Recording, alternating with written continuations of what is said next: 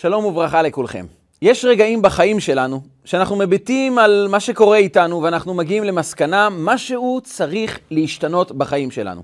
אולי זה בצמיחה רוחנית, אולי זה משהו בזוגיות שלנו, בחינוך הילדים, התפתחות אישית שלנו, אבל משהו צריך להשתנות. והרבה פעמים אנחנו מסתכלים על נקודה אחת, שאנחנו מבינים, אנחנו צריכים להשתנות כאן. אדם מביט על חיי המשפחה שלו, על הזוגיות, ואומר, אני צריך ליצור שינוי, ככה אי אפשר להמשיך. אבל ברגע שאנחנו מבינים שאנחנו צריכים להשתנות, מיד מגיעות מחשבות מפילות ומייאשות. מחשבות שבאות ואומרות לנו, אבל לבד זה לא יעזור שתשתנה. זה עולה כסף, זה דורש המון מאמצים, אין זמן לעשות את זה. העומס של החיים לא מאפשר לי באמת לשנות את מה שקורה איתי. יש לי כל כך הרבה טרדות, כל כך הרבה מטלות, חוסר יכולת להשתנות זה לא תלוי רק בי, זה דורש ממני המון משאבים שאין לי, ואז אדם אומר לעצמו, אז נמשיך הלאה, נתקדם הלאה בחיים. לא היה כזה גרוע עד עכשיו, אז אני מבין שצריך להשתנות, אבל אני לא יכול לשנות. וכשאדם נעצר ושואל את עצמו בצורה כנה, ככה להמשיך, להישאר באותו מקום, הרי ברור שהקדוש ברוך הוא לא רוצה מאיתנו חיים בינוניים, חיים שאנחנו לא מממשים את מה שאנחנו צריכים לעשות כאן בחיים. ודאי שהקדוש ברוך הוא רוצה שהחיים שלנו יהיו טובים, מלאי סיפוק, ובעיקר מלאי עשייה. אז איך עושים את זה? איך יוצרים שינוי כשאני רואה מסביבי ימין ושמאל שאני לא יכול לשנות, שאין אפשרות לשנות, שאין לי את המשאבים, את הכישרונות, את היכולות, את האפשרויות ליצור שינוי. שינוי תמיד אפשרי. ואת הסוד לכך אנחנו מוצאים בפרשת השבוע שלנו. רגע לפני שניכנס לתוך סיפורו של יעקב אבינו שיוצא מבאר שבע אל חרן. הוא לא רק יוצא מבאר שבע, אלא הוא בורח מבאר שבע כי רוצים להרוג אותו. הוא חסר רכוש, חסר בית, פוחד על חייו ונמלט למקום שהוא לא יודע מה יהיה שם. אבל כאן הוא מגלה לנו סוד, סוד שיוצר שינוי בחיים שלנו. כדי שנלמד על הסוד הזה, כדי שנלמד איך לממש אותו בחיים שלנו, רגע לפני, אני אבקש מכם בקשה אישית. שתפו בבקשה את השיעור. תלחצו לייק, תכתבו תגובות. תשתפו את השיעור, זה יכול להגיע לעוד אנשים שיוכלו להפיק תועלת מהשיעור הזה. בלחיצה אחת קטנה אנחנו יכולים לתרום לעוד אנשים שיוכלו ללמוד, לשנות, לשפר את החיים שלהם. אז תלחצו לייק, תכתבו תגובות, תשתפו את השיעור, הרשמו כמנויים. זה מקדם את השיעור, זה מגיע לעוד אנשים, ואנחנו ממשיכים בשיעור. יעקב אבינו יוצא מבאר שבע לכיוון חרן, כך נאמר בפסוק, ויצא יעקב מבאר שבע, וילך חרנה. ואז אומרת לנו התורה את הדבר הבא, ויפגע במקום וילן שם קיבה השמש. יעקב אבינו עוצר במקום מסוים כי פתאום שקעה השמש, ואותו מקום הוא הר המוריה. שם יעקב אבינו מקבל את ההתגלות הגדולה של חייו. ויחלום והנה סולם מוצב ארצה וראשו מגיע השמיימה והנה מלאכי אלוקים עולים ויורדים בו. אבל חוץ ממלאכים, והנה השם ניצב עליו. הקדוש ברוך הוא שומר על יעקב ומבטיח לו את ירושת ארץ ישראל. ופרצת ימה וקדמה וצפונה ונגבה, יהיה לך המון צאצאים. והנה אנוכי עמך, ושמרתיך בכל אשר תלך, ואשיבותיך אל האדמה הזאת, כי לא אעזובך עד אשר אם עשיתי את אשר דיברתי לך. אתה מקבל שמירה, הגנה, הבטחה שאתה תחזור לכאן, יהיה לך משפחה גדולה, אתה תהיה מוגן, ארץ ישראל תהיה שייכת לך, ואתה תחווה הצלחה בחיים שלך, ימה וקדמה, צפונה ונגבה. אבל נשאלת שאלה אחת, למה הפסוק אומר לנו, ויצא יעקב מבאר שבע וילך חרנה, ואז מספרים לנו שעוד לפני חרן, הוא עצר בהר המוריה בירושלים, ושם הוא קיבל התגלות אלוקית מאוד גדולה. היה יותר מתאים לומר, ויצא מבאר שבע, ויפגע במקום, וילן שם, הוא קיבל התגלות אלוקית מאוד גדולה, ואז וילך חרנה. הגמרא במסכת חולין, דף צדיק א', מדברת בדיוק על הנושא הזה. אומרת לנו הגמרא את הדבר הבא, יעקב יצא מבאר שבע והגיע לחרן. חרן כיום זה דרום טורקיה. הוא יצא מבאר שבע והגיע עד לחרן. וכשהוא הגיע לחרן, הוא התחיל לברר עם עצמו נקודה אחת. אפשר שעברתי על מקום שהתפללו בו אבותיי ולא נעצרתי להתפלל? כשיצאתי מבאר שבע עברתי ליד הר המוריה. עכשיו אני כבר נמצא בחרן, אבל איך יכול להיות שלא עצרתי בהר המוריה? אברהם אבינו, הסבא שלי, התפלל שם. אבא שלי, יצחק, נעקד שם, היית, היו תפילות מאוד גדולות שם. איך אני לא עצרתי להתפלל? ואז יעקב מקבל החלטה. יאיב דעתי למהדר. הוא נתן דעתו ואמר, אני חוזר בחזרה. רגע, יעקב, איך תחזור?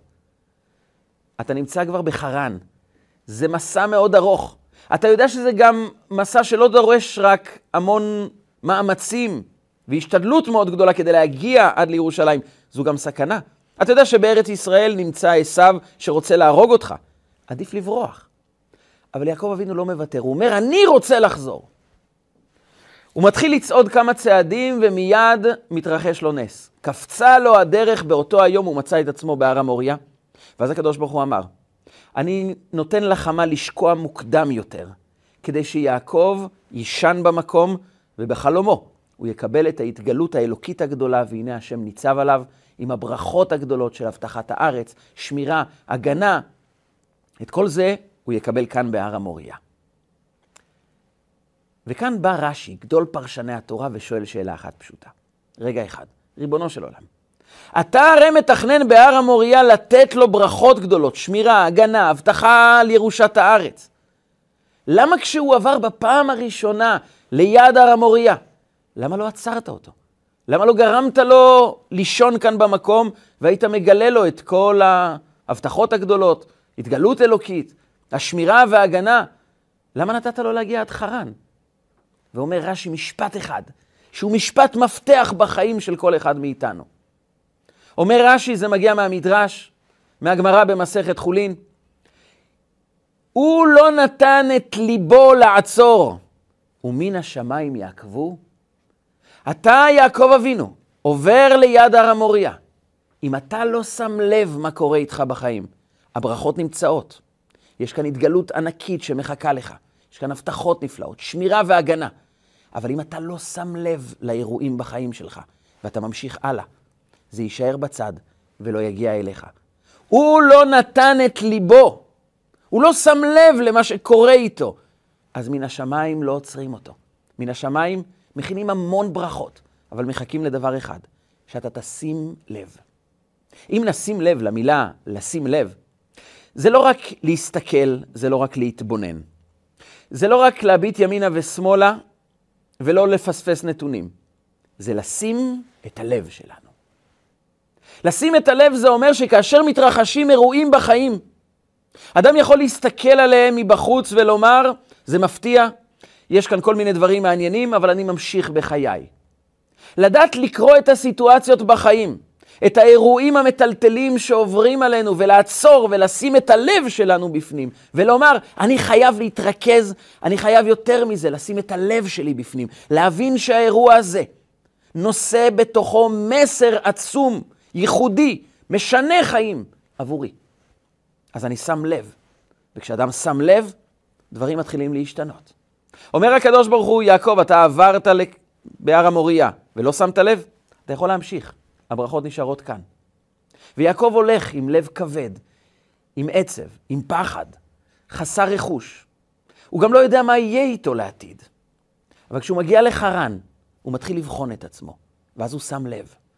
שם לב שמשהו התפספס בחיים שלי. עברתי על מקום שאבותיי התפללו ואני לא עשיתי שום דבר, לא התפללתי, לא עצרתי. אז יעקב אבינו יכול לראות את האירוע הזה בחיים ולהמשיך הלאה.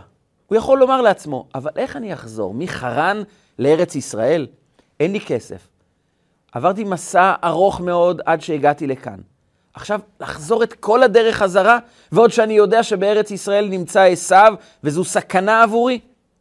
יש לו המון סיבות לוותר על הרעיון לחזור לארץ ישראל ולהמשיך הלאה. אין לי מספיק אמצעים, זה קשה מאוד, זה מפחיד מאוד, זה דורש ממני מאמצים שאין לי אותם כעת, אין לי את הכוחות, אין לי את האפשרויות. נמשיך הלאה, פעם הבאה נתקן. יבוא יום ונתקן את הדברים. לא, יעקב אבינו מבין. אם אני מבין ושמתי לב שיש אירוע בחיים שלא היה מדויק, אז אני שם לב. יאיב דעתי למהדר, הוא נתן את דעתו לחזור. לא רק עלה לו רעיון במוחו, הוא התחבר לנקודה הזו שאם יש משהו לא מתוקן בחיים, אני צריך לעשות משהו כדי לשנות. אבל מה יהיה לך במסע? איך תגיע להר המוריה? מאיפה תמצא כסף? איך תתמודד מול הסכנות? יעקב אבינו מלמד אותנו כלל אחד. אני לא מספר לעצמי כמה קשיים, כמה טרדות, כמה פחדים יש לי. אני שואל את עצמי נקודה אחת, מה מוטל עליי? ואת זה אני עושה עם כל הלב. יעקב אבינו מלמד אותנו שכאשר אני מבין שמשהו דורש תיקון, שיש נקודה שאני צריך לשפר אותה בחיים, אני לא מתחיל לספר לעצמי כמה בעיות יש, אני מספר לעצמי כמה כוחות יש בי לעשות את הצעד הראשון, אבל עם כל הלב. יאיב דעתי למהדר. ודווקא אז, הוא מתחיל לקבל ניסים מהקדוש ברוך הוא, פתאום קופצת לו הדרך. השמש שוקעת מוקדם יותר. הוא מתחיל לקבל התגלות אלוקית, והנה השם ניצב עליו. הוא מקבל ברכות שמעניקות לו חוזק, עוצמה, חוסן. הוא הולך לחרן, אדם אחר לגמרי, בזכות שהוא שם לב. אנחנו עוברים בתקופה הזו אירועים מטלטלים מאוד. אנחנו יכולים לעבור דרכם ולבכות, להיות עצובים, לספר לעצמנו כמה קשיים יש, כמה האירועים האלו מזכירים לנו שהעם היהודי לא מפסיק לסבול. אבל מה המסר שאנחנו לומדים? איזה תיקון אנחנו הולכים ליצור בתוכנו? מה הלימוד הגדול שבו אנחנו יכולים לצמוח יותר? אנחנו צריכים לשים לב, לקרוא את הדברים במימד גבוה יותר, וזה דורש מאיתנו פשוט לשים לב, לתת את דעתנו, שיש כנראה משהו בתוכנו עמוק יותר, שיכול להתגלות, שיכול לפרוץ החוצה, שיכול להאיר את העולם. מי ששם לב, מקבל קפיצת הדרך, מקבל ברכות, מקבל סייעתא דשמיא. כי לא השינוי שאנחנו יוצרים משנה באמת, אלא שימת לב שלנו מעניקה לנו סייעתא דשמיא, עזרה מלמעלה, ואז המציאות מתחילה להשתנות, ואז אנחנו רואים עולם אחר לגמרי לידינו. זה היה סודו של יעקב. מי שלמד את זה מיעקב היה משה רבנו. שוב פעם אותו סיפור. ההתגלות האלוקית הראשונה למשה רבנו. זה היה הסיפור של הסנה. משה רבנו רואה את צאן יתרו חמיב במדבר ליד מצרים, ואז הוא רואה דבר מפתיע, סנה בוער באש. ומשה רבנו אומר לעצמו, אסור נא ואראה את המראה הגדול הזה. אני רוצה לראות את המראה הזה. איך הסנה בוער והסנה איננו עוקל, איך הוא לא נשרף באש. אסור נא ואראה. בא רש"י, גדול פרשני התורה, שוב, ומפרש לנו את המילים, אסור נא ואראה. אסורה מכאן להתקרב לשם. וכאן כל ילד שקורא את רש"י עומד מופתע. אני מבין את לשון הקודש, אני מבין את לשון התורה. אסור נא ואראה זה אני עוזב את המקום שלי כדי ללכת לראות. רש"י לא בא לפרש לנו מילים, הוא לא מתרגם מילים. מה גם שהוא לא מתרגם את המילה אסורה. הוא אומר, אסורה מכאן להתקרב לשם. מה עזרת לנו רש"י? בלעדיך לא הייתי מבין את הפסוק? הרי כל ילד יכול להבין, אסור נא ואראה, אני עוזב את המקום שלי כאן להתקרב לשם. אבל רש"י מלמד אותנו שיש כאן אירוע מטלטל בחייו של משה רבנו. משה רבנו לא רק מלא סקרנות לראות איך יכול להיות שהסנה בוער באש והוא לא מתכלה. זו לא רק סקרנות. משה רבנו, כמו יעקב אבינו, מבין שאירועים בחיים נושאים איתם מסר עצום לשינוי בחיים שלנו. ואני צריך לשים לב. ושימת הלב של משה רבנו היא, אסורה מכאן להתקרב לשם. אני מבין שיש מקום שבו אני נמצא, אבל אני צריך רגע לצ... לצעוד צעד אחד, לסור מכאן ולהתקרב לשם. לעזוב את המקום שבו אני נמצא ולצעוד צעד אחד למקום גבוה יותר בחיים שלי. משה רבנו לא רק מלא סקרנות, הוא בעיקר מבין שיש מסר בכל אירוע בחיים. ואם אתה רואה אירוע מטלטל, אירוע מוזר, אירוע בלתי מוסבר, יש כאן מסר אישי עבורך, משה רבנו. ולכן אסור מכאן להתקרב לשם. אני מוכן לעזוב את המקום הרגיל שלי, את ההרגלים של החיים שלי, את צורת החיים המוגבלת שהייתה לי עד היום, ואני עושה צעד אחד, עם כל הלב, להתקרב לשם. ואז מסביר רבנו הספורנו, הקדוש ברוך הוא, וירא כי שר לראות. הקדוש ברוך הוא אומר, אה, סרת לראות. עזבת את המקום שלך והתקרבת. אז הקדוש ברוך הוא מתחיל לדבר אליו. אז הקדוש ברוך הוא אומר לו, משה, משה, אתה הולך להיות המנהיג של עם ישראל. עם ישראל הולכים לצאת ממצרים. עם ישראל הולכים להשתחרר מכל הכאבים, מהטומאה, מהסטרא אחרא, ואתה זה שהולך לגאול אותם. הוא מקבל את הבשורה המשנת חיים לעם ישראל בכלל, לא רק עבורו, שהוא הופך להיות המנהיג שיוציא את עם ישראל ממצרים, שייתן את התורה לעם ישראל. הוא מקבל את זה בזכות דבר אחד, שהוא לא נתן לאירועים לחלוף לידו. הוא עצר ואמר, אסור נא ואראה את המראה הגדול הזה. אני עוזב את המקום שלי והולך לראות משהו גבוה יותר בחיי. הוא למד את זה מיעקב אבינו. שיעקב אבינו אמר, אתה עוצר ובוחן את עצמך ושם לב, ואז דברים מתחילים להשתנות. אומר רבנו הספורנו, אם משה רבנו היה חולף ליד הסנה ואומר, באמת, זה אירוע מאוד מעניין, זה באמת אירוע מאוד יפה, זה משהו מופלא, אבל אני ממשיך בחיי. אז הוא לא היה מקבל את ההתגלות, הוא לא היה הופך להיות המנהיג. עם ישראל היו צריכים לצאת בדרך אחרת. אבל תכונתו של מנהיג, תכונתו של אדם שיוצר מהפכים, מהפך בחייו, ושינוי עצום בחייו של העם היהודי, זה כל אחד מאיתנו שבוחר לעצור ולשים לב. אסור נא ואראה. יאיב דעתי למעדר, אני בוחן את עצמי ואומר אם משהו צריך שינוי, אני עושה את הקצת שלי, אבל עם כל הלב. כי אני קורא את המציאות ומבין שהיא באה לשנות אותי, ואני לא נותן לה רק לחלוף לידי, כי היא נושאת ברכה, עוצמה ויכולת לשנות את הדברים לטובה, גם עבורי וגם הסביבה לידי יכולה להשתנות דרך האירועים האלו. מספרים פעם על אה, יהודי חסיד חב"ד שנחת בניו יורק בדרך לבית מדרשו של הרבי מלובביץ' בברוקלין. הוא עצר מונית וניסה לשבור את השיניים כדי לומר לו איך להגיע, את הכתובת, להגיע למקום של בית המדרש, והנהג מונית אמר לו, אתה יכול לדבר בעברית, אני ישראלי, והם פתחו בשיחה. הוא מאוד שמח, יהודי, ישראלי, מדברים בעברית, בדרך לבית המדרש של הרבי. תוך כדי שיחה אומר לו הנהג מונית, אתה יודע, יש לי חבר מאוד מאוד טוב, הוא הפך להיות חסיד ממש כמוך. הוא ממש עם זקן, עם כובע, עם חליפה, הוא ממש כמוך. אומר לו, באמת? הוא חזר בתשובה, מה קרה? אומר לו, אני אספר לך. היינו שנינו בצבא, והיינו בניווט, במדבר, לבד. הוא התקדם, ותוך כדי שהוא מתקדם, מבין הסלעים פשוט יוצא נחש ארסי ומביט עליו צמוד. שנינו קפאנו על מקומנו. אני הייתי רחוק, אבל הוא היה ממש צמוד לנחש. והבנו שזה נחש ארסי, זה סכנת חיים, פשוט לא זזנו, לא דיברנו, לא צייצנו. והוא עמד קפוא ונלחם בעצם על חייו, בלי לזוז.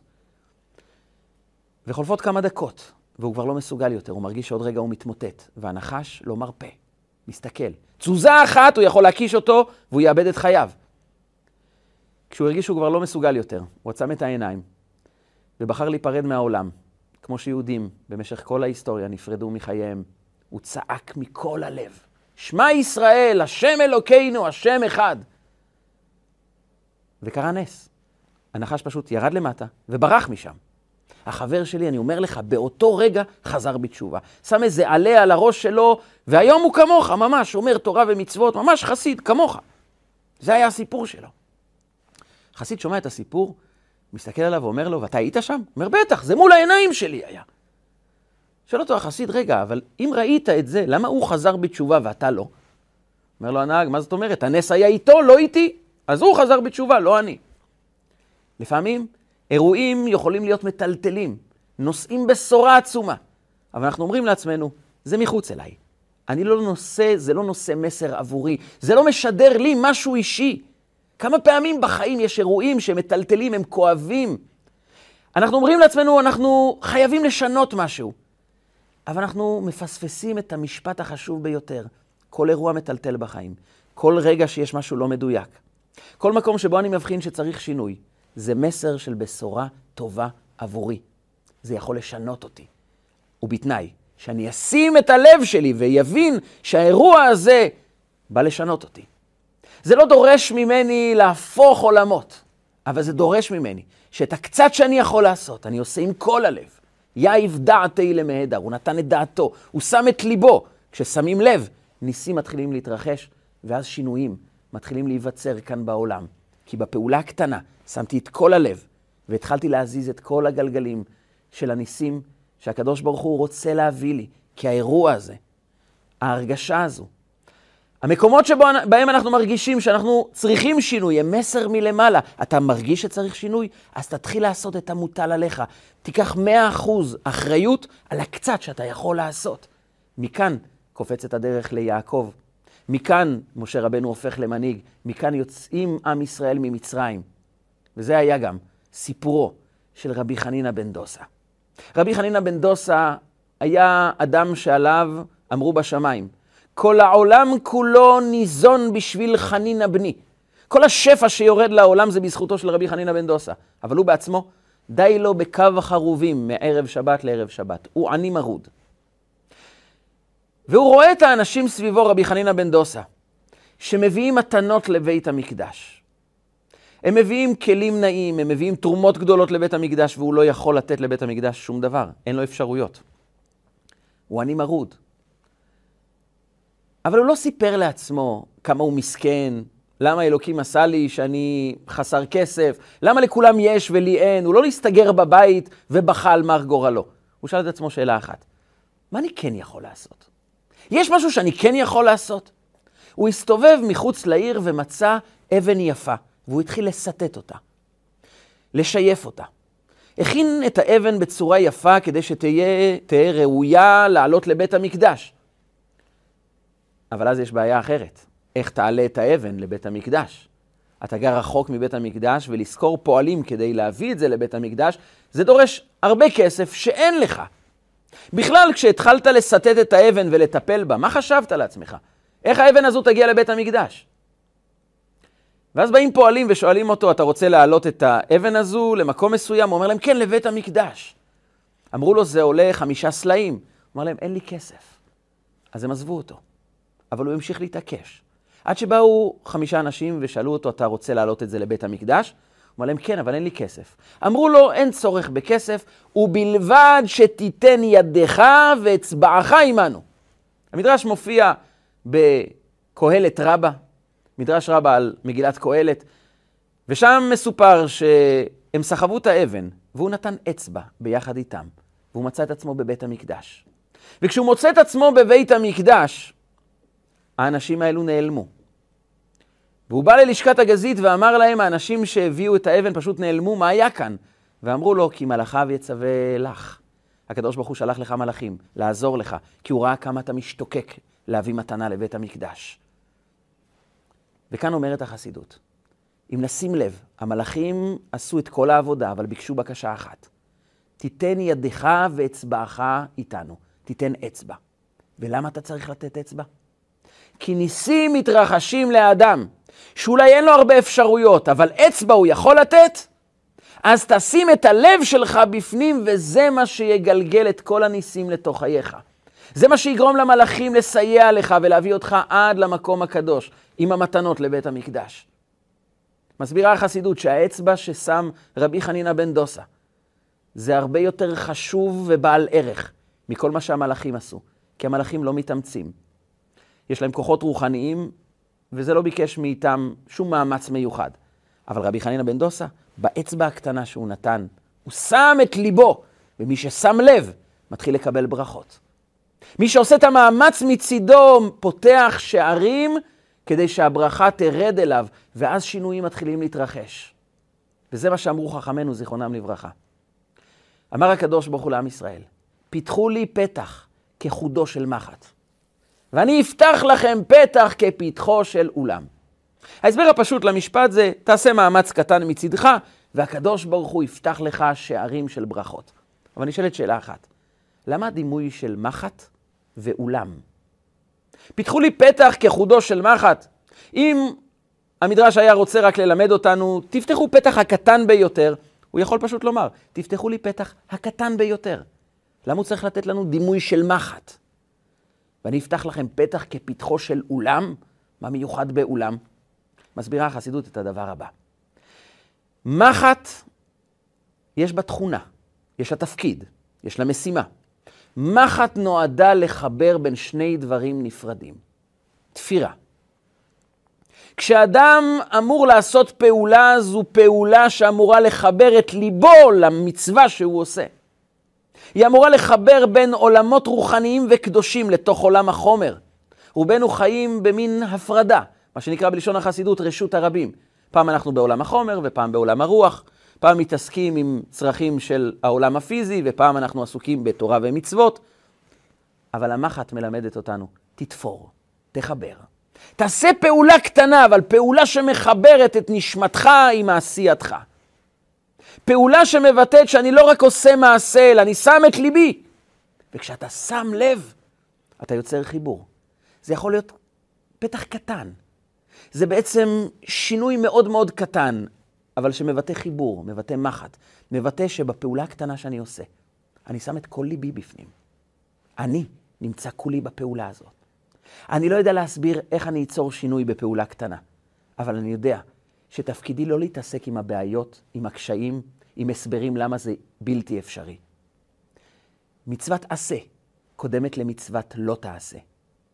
פירושו של דבר, לפני שאתה מסביר לעצמך למה אי אפשר לעשות, תתחיל לעשות. וכשאתה עושה, אתה מתברך. וברכך השם אלוקיך בכל אשר תעשה. הברכה ממילא מגיעה מלמעלה. ממך נדרש פשוט להתחיל לעשות. ועל זה אומר הקדוש ברוך הוא, פיתחו לי פתח כחודו של מחט. תחברו את ליבכם, נשמתכם, את מי שאתם, לפעולה הקטנה שאתם עושים, ואני אפתח לכם פתח כפתחו של אולם. מה מיוחד באולם? האולם זה שמו של החלק המקורה בבית המקדש. יש את החלק הפתוח, עזרת נשים, עזרת ישראל, עזרת הכוהנים, איפה שמקריבים קורבנות, ויש את החלק המקורה. החלק המכוסה, הוא נקרא אולם, בתוכו יש את הקודש, המנורה, מזבח הקטורת, שולחן לחם הפנים וקודש הקודשים. הכניסה למקום המקורה, למקום המכוסה, הוא נקרא פתחו של אולם. כל האזור נקרא אולם. ולפתח הזה יש משהו ייחודי שאין בשום פתח אחר בבית המקדש. אין בו שערים. מלבד זאת שאין בו שערים, הוא גם כפול בגובה מכל השערים. אם כל השערים היו 20 אמה, בערך 10 מטר, הוא היה 40 אמה. הוא כפול בגובה ואין בו שערים. לא סוגרים אותו. הייתה יריעה שם בכניסה, אבל אין לו שערים שסוגרים אותו. מדוע? מסבירים בקבלה ובחסידות שהשער הזה הוא שער שלא ניתן לסגור אותו. יש בו ברכה כפולה שיורדת בשפע גדול, בלי שאפשר לעצור אותו. כל שער שאפשר לסגור את השערים, במילים אחרות, הברכה מוגבלת. הברכה לא תמיד תגיע. היא גם מוגבלת וגם תלויה בהמון המון נתונים. לא תמיד היא יכולה להגיע אל האדם. אבל פתחו של אולם זה פתח גבוה כפול מכל שער אחר, ואין בו שערים. מהרגע שאתה מגיע לפתח הזה, הברכות יורדות בלי סוף אל תוך חייך. אומר הקדוש ברוך הוא, תסתכלו על יעקב אבינו, על משה רבנו. השינויים הגדולים נוצרו מלקיחת אחריות של 100% על הפעולה הקטנה שלי. כשאני בוחר להתרכז, ויותר מזה, לשים לב לאירועים של החיים, לשים לב שמשהו צריך שינוי, ואת השינוי הזה אני מוכן להשקיע את כל נשמתי בפנים, גם אם זה קטן, עבור הקדוש ברוך הוא. זה פתח של מחט, חיברת את ליבך עם העשייה שלך, אני אפתח לכם פתח כפתחו של אולם. הברכות שיגיעו אליך הן ברכות ללא גבול, כפולות ומכופלות, אין שום דבר שיעצור אותם, ומכאן השינוי מתחיל להתרחש. אם נקרא את האירועים סביבנו המטלטלים, הכואבים, המייסרים, ונאמר לעצמנו, אני בוחר לשנות משהו אחד קטן, אבל אני שם את ליבי, מי ששם לב, מקבל ברכות מפתחו של אולם, שמהפתח הזה, בעזרת השם, נקבל את הברכה הגדולה ביותר, לשוב ולעלות לבית המקדש, בגאולה שלמה, עם משיח צדקנו בקרוב ממש. אמן.